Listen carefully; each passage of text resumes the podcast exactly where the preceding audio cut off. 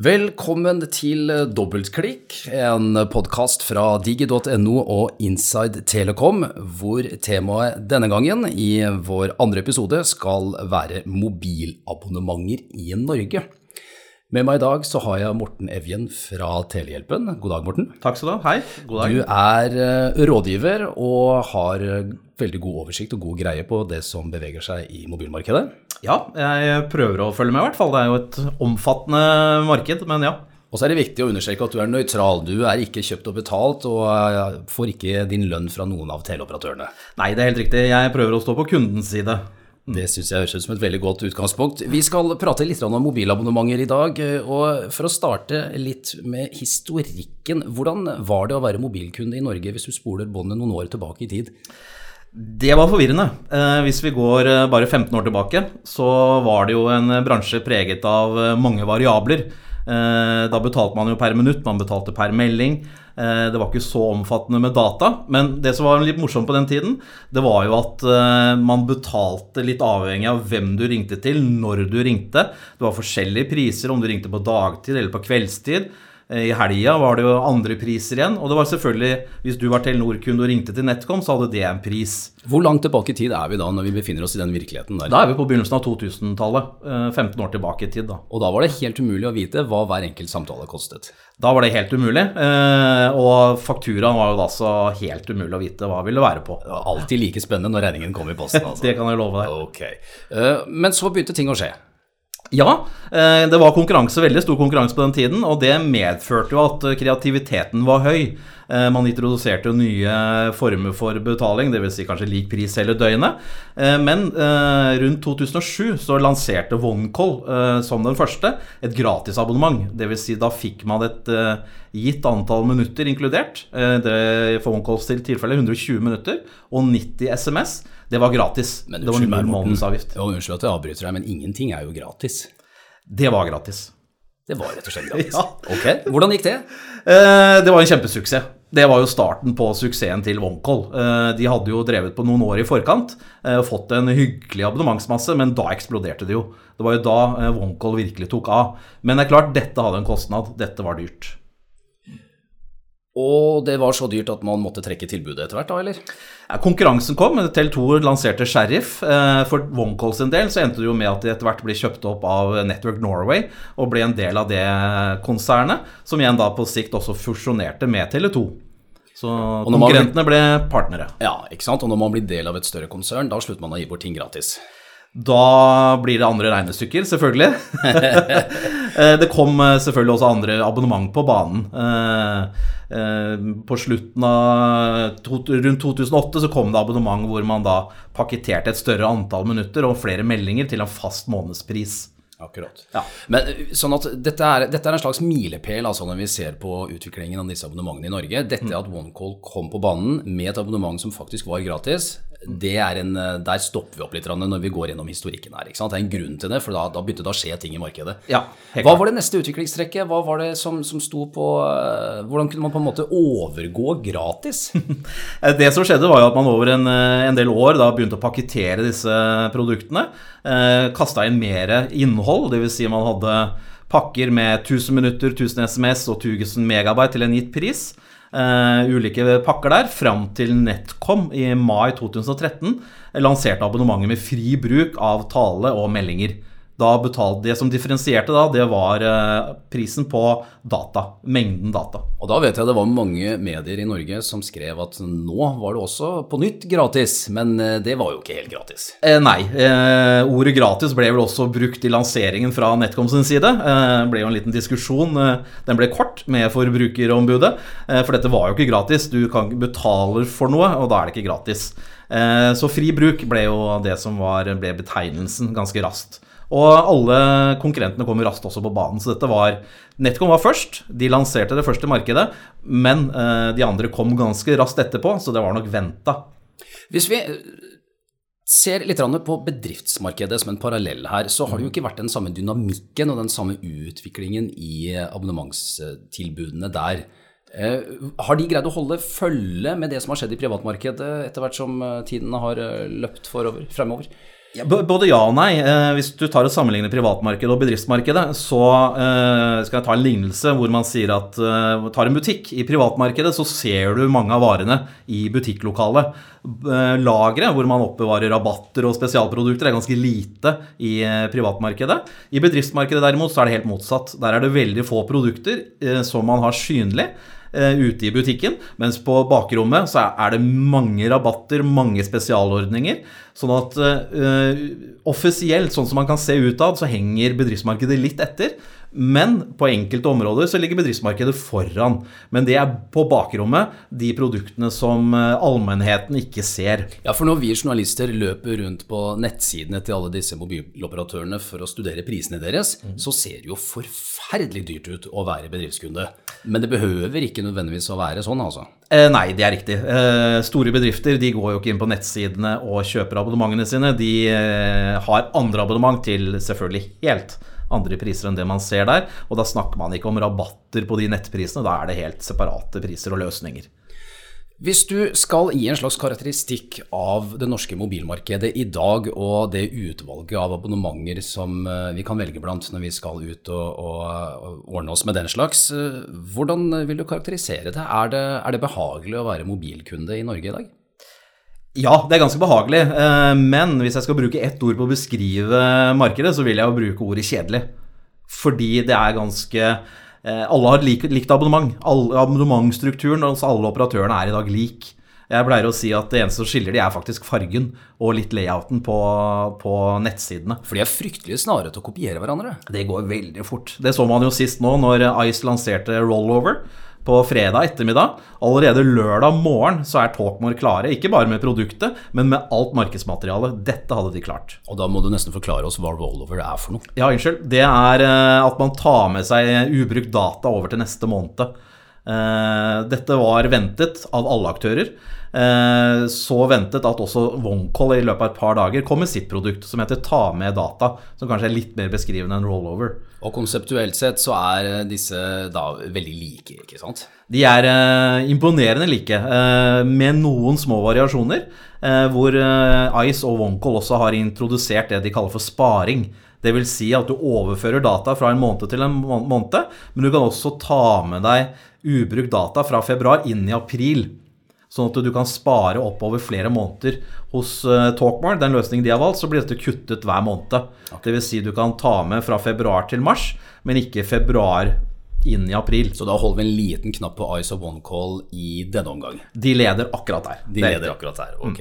Mm. Men litt tilbake til spørsmålet jeg stilte deg. altså. Jeg, jeg, brukte formuleringen 'er det behagelig å være eh, mobilkunde i Norge i dag'? Og så uh, nikket du for så vidt bekreftende til det, men så mm. sa du også at det er kjedelig. Mm. Hva er det du savner i det norske mobilmarkedet? Jeg savner en uh, mulighet for operatørene, og da mener jeg uh, serviceproviderne, de som leier nett av Telia og Telenor, til å ha mulighet til å være litt mer kreativ i måten de pakketterer sine produkter. Det blir litt forutsigbart. Det er uh, de som eier nettene, som bestemmer hvordan disse kan tilby sine produkter, og det er kjedelig og forutsigbart. Et godt eksempel på det er jo Bansai, som forsøkte å utfordre denne modellen, hvor de pakketerte abonnement med lite innhold på tale, men mye store mengder data. Dette var et abonnement som hadde såpass suksess og var såpass fremtidsretta, mener jeg, og det mente også Bansai, at uh, Telia eller NetCom da ikke ønska å forlenge det samarbeidet. Det syns jeg er synd. Så du mener også at netteierne langt på vei fungerer som premissgivere for hva, de, hva da faktisk konkurrentene deres skal kunne tilby til sine kunder? Uten tvil. Uten tvil. Kan vi ha det sånn, da? Jeg mener jo helt klart at man ikke kan ha det sånn. Derfor er det godt at vi har fått en tredje operatør inn på banen med sitt eget nett, som kan sette sine egne premisser i konkurransen. I hvilken grad syns du Ice har lykkes med å sette sitt preg på det norske markedet så langt? Frem til nå i veldig liten grad. De har jo konkurrert eh, bare et par år på, med mobilabonnement.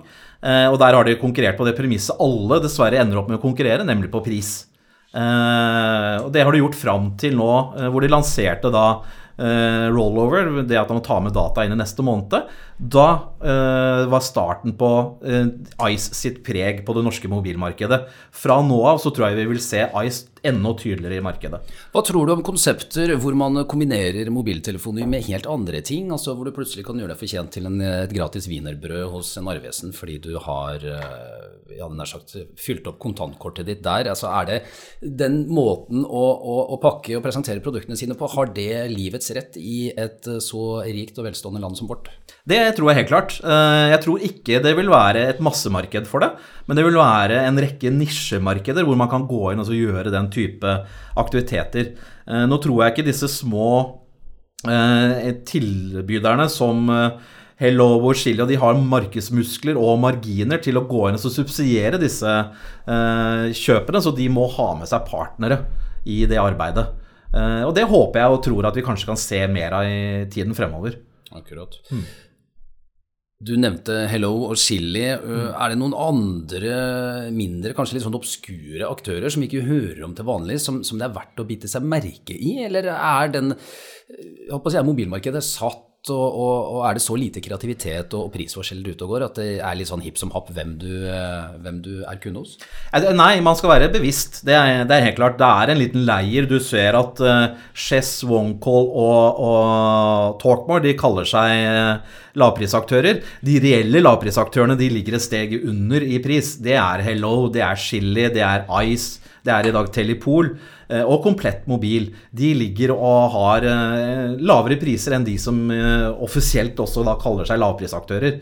Så du kan se at i dag så har du tre nivåer. Du har de reelle lavprisaktørene.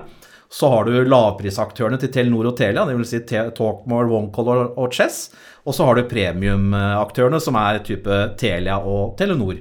Hvis vi, La oss stoppe litt der ved premiumaktørene. For de eh, vil jo veldig ofte i sin markedskommunikasjon legge vekt på andre ting enn pris. Ja. Eh, hvor rett har de i, det, eh, i, i påstanden om at kundene etterspør andre ting enn pris? Det er helt klart at kunden gjør det. De sitter jo på brorparten av abonnementene. Eh, mange av de abonnementene er jo kommet i forbindelse med kjøp av mobiltelefon f.eks. Eh, og så er disse Telenor og Telia annet veldig dyktige på å beholde kunden i etterkant. Gjerne gjennom da det jeg snakket om i stad, de rabattene som er på bakrommet. Eh, tidligere vært kjent som winback-aktiviteter, f.eks. Hvis en kunde har ønsket å bytte fra type Telenor Telia til en annen operatør, så har de vært veldig dyktige til å beholde kunden med da skjulte rabatter. For da får du en telefon med beskjed om at du, nå ser jeg at du har sagt opp abonnement hos oss, men jeg har et godt tilbud til deg. Det er helt riktig. Det er sånn det fungerer, ikke Ja, de telefonene har jeg fått mange ganger. Ja, det er akkurat. Ja, jeg har vel kanskje vært borti dem selv også. Ja. Uh, den type aktiviteter som du nevner, er winback. Er det noe som utelukkende skjer i privatmarkedet, eller foregår det også på bedriftsnivå? Og det er i stor grad også i bedriftsmarkedet. Uh, og det er ikke like lett å regulere det i bedriftsmarkedet, fordi der er det avtaler.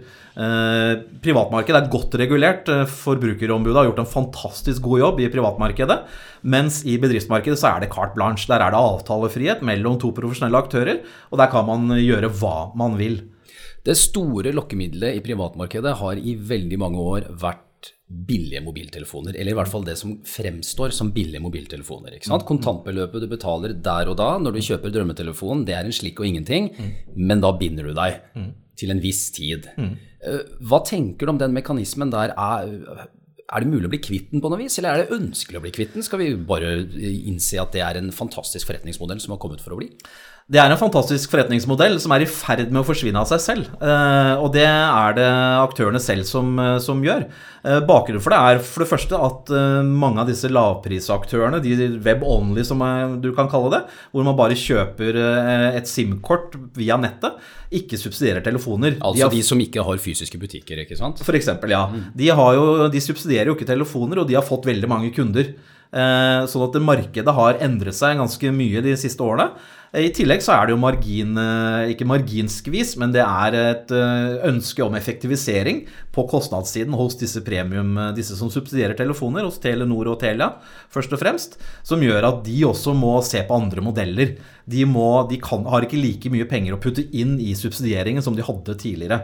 Derfor så ser du jo på andre konsepter, hvor Telenor har sin swap Det har, vært, det har vært litt av en genistrek, har jeg forstått. Det har vært veldig vellykka, det tror jeg. Det, Mange, mange kunder, altså vi, vi har jo ikke fått ut noen eksakte tall på det, mm. selv om vi har forsøkt, vi er journalister. Men, eh, men Telenor har ikke lagt skjul på at dette har blitt godt mottatt.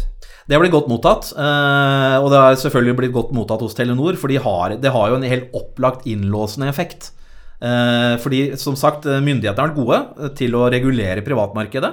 Man kan maks binde en kunde i tolv måneder f.eks. Men med swap så ligger det en mekanisme som gjør at kunden binder seg litt lenger. Ja. Ikke På- juridisk, På frivillig basis. på frivillig basis. Ja. Nemlig. Eh, Denne swap-ideen og dette konseptet, var det noe som Telenor kom opp med selv, eller har de blitt inspirert uh, annetsteds hen, hadde jeg nær sagt? Dette er ikke et ukjent eh, konsept. Dette finnes i flere markeder, bl.a. I, i USA. Eh, Men de har gjort det til sitt. De har eh, tilpasset det til det norske markedet og lagt inn elementer som er viktige i det norske markedet, f.eks. For forsikring. Akkurat. Og da har vi kanskje kommet til, eh, til det som er mest spennende, sett med mine øyne i hvert fall. Hvor skal mobilmarkedet videre? Hvilke mobilabonnementer kan vi forvente å se i fremtiden? Og er det noe i, eh, som finnes i utlandet allerede i dag, som gir oss en pekepinn på det svaret? Ja, det, det er det. Vi, eh, vi er ledende på mange områder i, i Norge, men pga. konkurransesituasjonen så er det ingen som pusher nye produkter inn i markedet. Eh, Da må det utfordrere til, sånn som f.eks. Ice.